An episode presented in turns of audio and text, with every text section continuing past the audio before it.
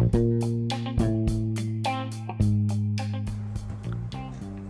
guys, kembali bersama saya Rudi Lim. Anda sedang mendengarkan The Rudi Lim Podcast. Nah, menyambung podcast saya yang sebelumnya tentang keluar dari zona nyaman, hari ini saya mau sharing tentang bagaimana Anda bisa take massive action. Setelah Anda memberanikan diri keluar dari zona nyaman Anda, tentu Anda harus bisa menghilangkan segala rintangan dan tantangan dan melakukan massive action sehingga Anda bisa mencapai hasil yang luar biasa.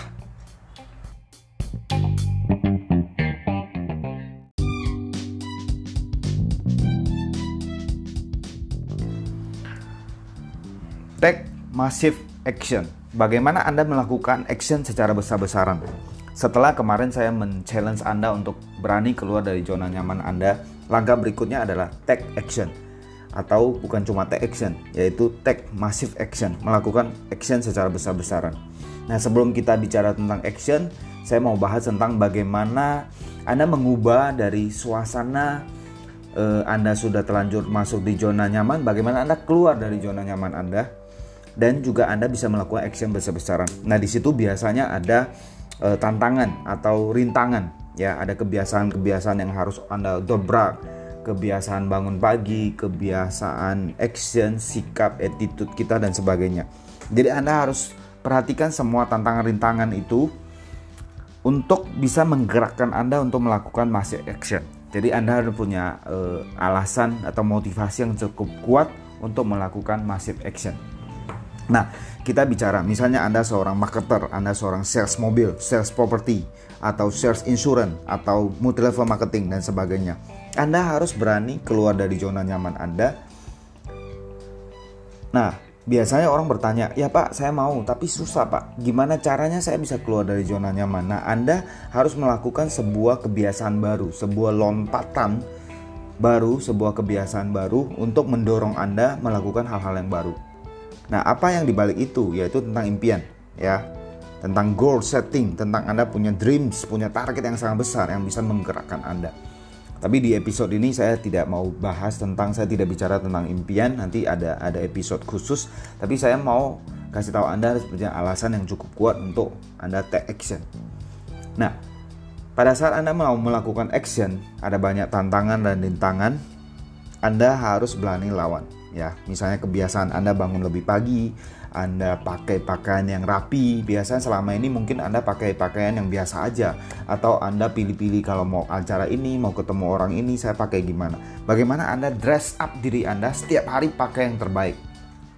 Pakai yang rapi. Kayak saya sekarang setiap hari saya pakai kemeja putih pakai formal rapi pakai celana bahan pakai sepatu lengkap dan saya ketemu orang. Dan itu mendorong saya punya state yang berbeda punya sebuah attitude punya sebuah uh, kebiasaan yang saya selalu serius. Uh, nggak mungkin anda pakai pakaian yang rapi terus anda malas-malasan anda tidur tiduran di rumah atau tiduran tiduran di meja kerja dan sebagainya. Jadi dress up pakai satu pakaian yang formal yang bisa mendorong anda yang berkaitan dengan kesuksesan anda. Untuk buat anda take action dan biasakan diri Anda untuk lebih energik, lebih semangat, senyum ya, melatih senyum Anda di cermin, salaman, ketemu dengan banyak orang dan harus take massive action ya. Kenapa? Kita bicara dengan take massive action ini ini juga kaitan dengan waktu, timeline ya. Contoh Anda punya satu target, Anda mau closing, Anda mau ada penjualan. Kalau dalam seminggu Anda tidak penjual tidak ada penjualan, maka Anda akan down ya Anda akan merasa sadar tidak sadar waktu lewat begitu saja. Tetapi kalau setiap minggu Anda ada closing, Anda akan lebih semangat. Anda punya energi yang baru. Bayangin setiap hari, setiap minggu. Saya nggak bicara setiap hari ya, setiap minggu dulu. Anda yang jual mobil, setiap minggu Anda bisa closing jual satu mobil atau dua mobil. Luar biasa. Sehingga Anda ulang kebiasaan itu setiap minggu Anda ada closing, setiap minggu ada cash yang Anda terima, baru Anda bagi kembali bagaimana satu minggu yang produktif itu Anda lipat gandakan. Ya, saya sedang mengcoaching satu tim dalam satu project bisnis. Saya men-challenge tim saya untuk setiap minggu bisa menghasilkan 1000 dolar. Kurang lebih 10 sampai 15 juta. Bukan angka yang besar, Tetapi kalau ketika mereka bisa capai cash money 1000 dolar, dalam hal ini kita di project bekerja sama dengan perusahaan Singapura. Jadi 1000 Singapura dolar sekitar 10 juta. Anda bisa lipat gandakan minggu kedua, ketiga, keempat. Dan itu memicu mereka jadi lebih semangat, achievable, dan bisa luar biasa. Sehingga tertantang Anda ingin melakukan aktivitas setiap hari, daily activity. Itu yang sangat menentukan. Oke? Okay?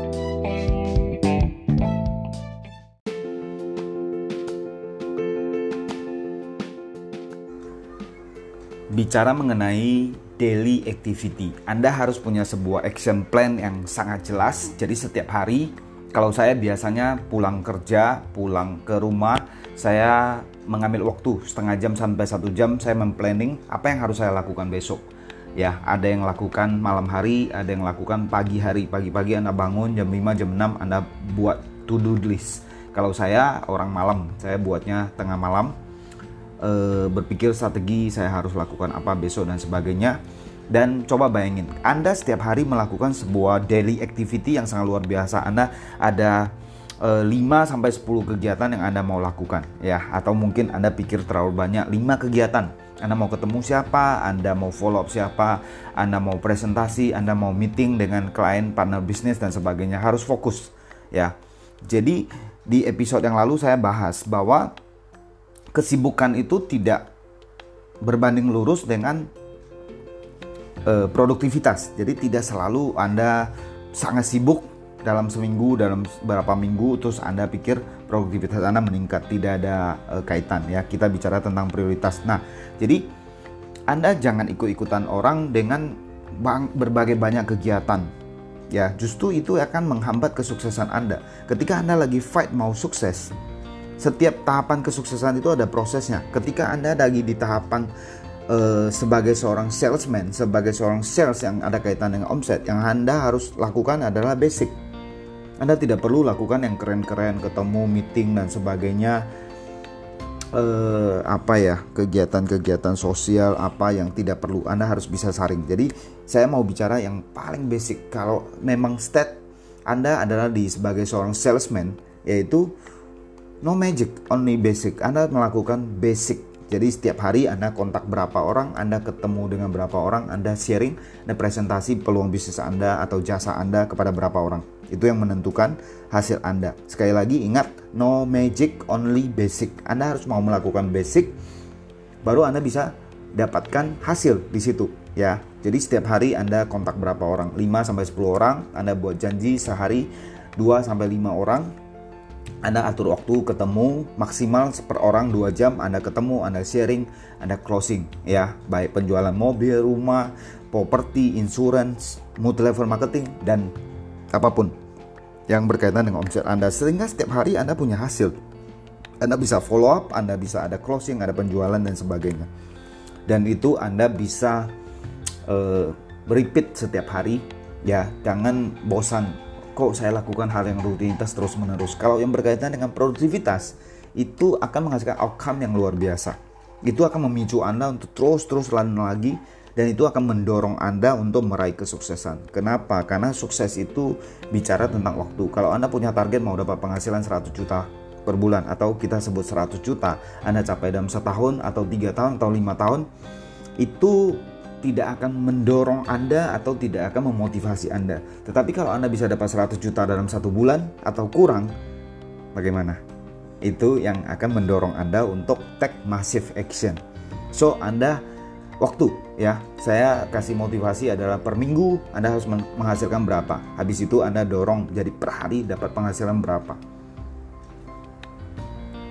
Ya, itu yang luar biasa. Saat ini saya mendorong diri saya minimal per hari minimal dari hasil kegiatan saya dari tim saya minimal saya menghasilkan 1000 dolar per hari. Ya bukan angka yang besar tapi ketika itu bisa achieve luar biasa. Karena sebuah project baru sebuah bisnis baru yang saya lagi kembangkan.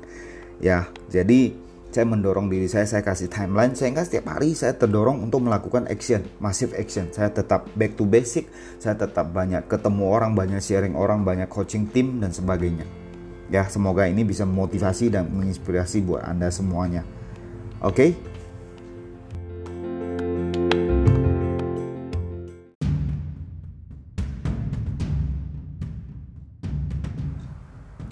Oke okay guys, setelah Anda bisa mendisiplinkan diri Anda melakukan daily activity atau action plan Anda dibarengan dengan hasil mingguan atau harian, maka saya yakin Anda akan terpacu untuk meraih prestasi yang lebih besar. Nah, di situlah Anda bisa masuk ke sebuah momentum. Anda create sebuah momentum untuk melakukan take massive action, yaitu melakukan action besar-besaran. Jadi ketika Anda kalau nggak termotivasi nggak bisa, ketika Anda tidak terbiasa nggak bisa, ketika Anda sudah sangat semangat, Anda uh, punya aktivitas harian yang produktif dan juga punya hasil yang luar biasa yang memacu, memotivasi Anda, maka Anda akan termotivasi untuk melakukan uh, massive action, action secara besar-besaran, ya. Jadi anda setiap hari melakukan aktivitas yang luar biasa. Anda bangun lebih pagi, lebih semangat, ketemu dengan lebih banyak orang. Anda membuat hidup Anda lebih produktif. Contoh saya, saya setiap hari saya mengisi uh, satu minggu saya dengan sangat sangat uh, padat, sangat maksimal. Senin saya ada training tim, ada kalau ketemu pros uh, prospek atau ketemu klien untuk meeting itu aktivitas setiap hari pasti ada. Tapi ada prioritas setiap Senin saya melakukan training tim setiap Selasa saya ada dinner sharing di satu acara saya men-sharing sebuah project, sebuah peluang bisnis yang luar biasa. Hari Rabu saya ada aktivitas untuk grouping. Hari Kamis saya ada lunch sharing. Malamnya saya ada komsel di gereja. Hari Jumat saya ada uh, grouping juga. Saya lebih banyak pakai waktu untuk uh, sharing sama tim saya, coaching, leader dan sebagainya. Hari Sabtu ada aktivitas juga hari Minggu untuk pelayanan, untuk ibadah dan sebagainya. Jadi saya isi dengan sangat padat dan otomatis waktu saya yang tersisa tidak banyak dan setiap ada janji, ada meeting yang masuk, saya bisa lihat uh, urgensinya, prioritasnya, apakah ini perlu atau tidak. Dan tentu seperti di episode sebelumnya saya bicara tentang prioritas waktu. Saya tetap memanage waktu saya dengan baik, meluangkan banyak waktu untuk orang-orang terdekat, untuk teman, untuk keluarga, untuk pelayanan untuk komsel, untuk uh, sel group di gereja saya juga aktif pelayanan dan lain-lain. Anda jangan uh, terbuai dengan kata-kata banyak orang yang uh, bicara bahwa uh, hidup uh, tidak perlu terlalu hasil, tidak perlu terlalu kejar atau Anda melakukan berapa aktiviti yang cukup uh, besar dan sebagainya. Menurut saya simple dalam hidup ini untuk mencapai sebuah tingkat yang kita sebut master, Anda harus melewati tiga tahapan. Terutama kalau Anda dibilang sales and marketing. Bagi saya simpelnya ada tiga tahapan. Pertama tahapnya Anda adalah salesman. Sebenarnya sampai kapan pun kalau Anda marketing kita ada salesman. Tapi saya sebut se seperti seorang salesman. Tahap kedua ada profesional, tahap ketiga adalah master. Nah, tahap pertama adalah salesman di mana Anda harus lakukan basic, Anda harus ketemu banyak orang, telepon banyak orang, presentasi ke banyak orang, closing ke banyak orang dan sebagainya. Anda harus lakukan ibadahnya door to door, ketemu satu-satu, ketemu banyak orang terus menerus. Itu saya istilahnya salesman ya, karena konotasi salesman dalam pikiran kita mungkin seperti itu. Sampai satu titik Anda lewatin kita sebut eh, uh, 10.000 jam atau satu tahun Anda melakukan basic itu anda akan dikenal sebagai profesional. Anda ahli, Anda ngomong satu hal, Anda jago jualan mobil, Anda kalau di properti, Anda kalau di properti Anda jago jual uh, rumah, Anda tahu tentang rumah dan sebagainya. Kalau mobil, Anda jago tentang mobil, Anda tahu semua seluk-beluk tentang mobil. Kalau Anda di bidang insuran, Anda sudah ahli di bidang insuran. Anda tahu semuanya bagaimana memanage keuangan, bagaimana uh, cash-cashnya, produk knowledge-nya semua Anda sudah tahu. Anda dikenal sebagai profesional. Mungkin pada saat itu sudah mulai banyak orang tahu Anda, mulai banyak orang cari Anda, mulai banyak uh, orang yang datangin Anda. Jadi Anda mulai uh, sebagai profesional kayak dokter dan sebagainya, Anda punya pasien atau pelanggan atau klien yang banyak sekali yang mereka mencari Anda. Mendadak 1-2 tahun Anda lewati, Anda mungkin akan masuk ke level master, yaitu orang semuanya tertuju kepadamu semua terinspirasi kepadamu. Anda jadi seorang top leader, Anda jadi seorang top achiever, Anda jadi seorang top sales, Anda memimpin tim, Anda punya pasukan uh, sales agent, distributor yang luar biasa, dan Anda dikenal sebagai ahli di bidang Anda. Pada saat itu Anda dikenal sebagai master. Anda mungkin sudah diundang jadi pembicara, semua orang mau jadi klien Anda, semua orang ingin berbisnis dengan Anda dan sebagainya. Tetapi untuk mencapai tahapan master ini, Anda harus lewati fase sebagai salesman dan profesional baru master. Ya. Nah, di sini saya mau sharing dengan Anda tentang apa yang saya alami, apa yang saya pelajari, apa yang saya tahu. Saya nggak mau banyak uh, bicara teori kepada Anda, tapi prakteknya seperti itu. Setidaknya seperti itu menurut saya ya. Saya juga seorang praktisi, so uh, teman-teman saya doakan, saya harapkan kalau Anda bisa analisa level Anda di mana. Kalau saya malah saya men-challenge diri saya untuk back to basic ke tahap awal lagi Padahal dulu saya udah pernah jalanin ya.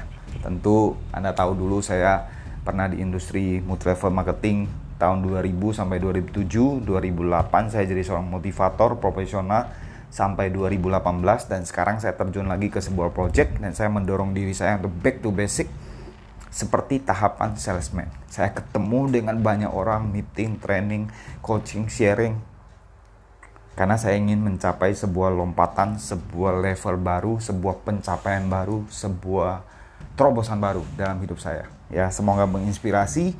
Saya rasa episode kali ini cukup sampai di sini. So, take massive action.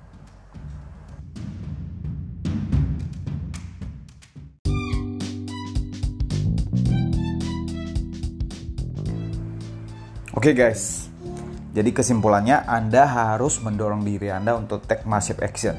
Nah, setelah Anda sudah termotivasi, saya mendorong Anda untuk take massive action dan dapatkan hasil pencapaian yang luar biasa. Saya juga pengen dengar sharing dari Anda. Kalau Anda dengarkan podcast saya, Anda bisa kontak saya, hubungi saya di DM di Instagram. Anda bisa DM saya at uh, Rudilim di Instagram at Rudilim atau Anda juga kalau Anda dengar dari Anchors, Anda bisa uh, kirimkan voice message untuk saya. Untuk komentar pertanyaan yang bagus nanti saya akan uh, masukkan di episode saya yang akan datang. Ya kemarin saya bicara tentang zona nyaman. Ada teman saya yang komen beberapa yang komen juga tentang uh, keluar dari zona nyaman. Nah habis dari episode ini saya akan masukin. Anda bisa dengarkan komennya. Oke okay? semoga bermanfaat. Sukses untuk kita semuanya. Yes live large do more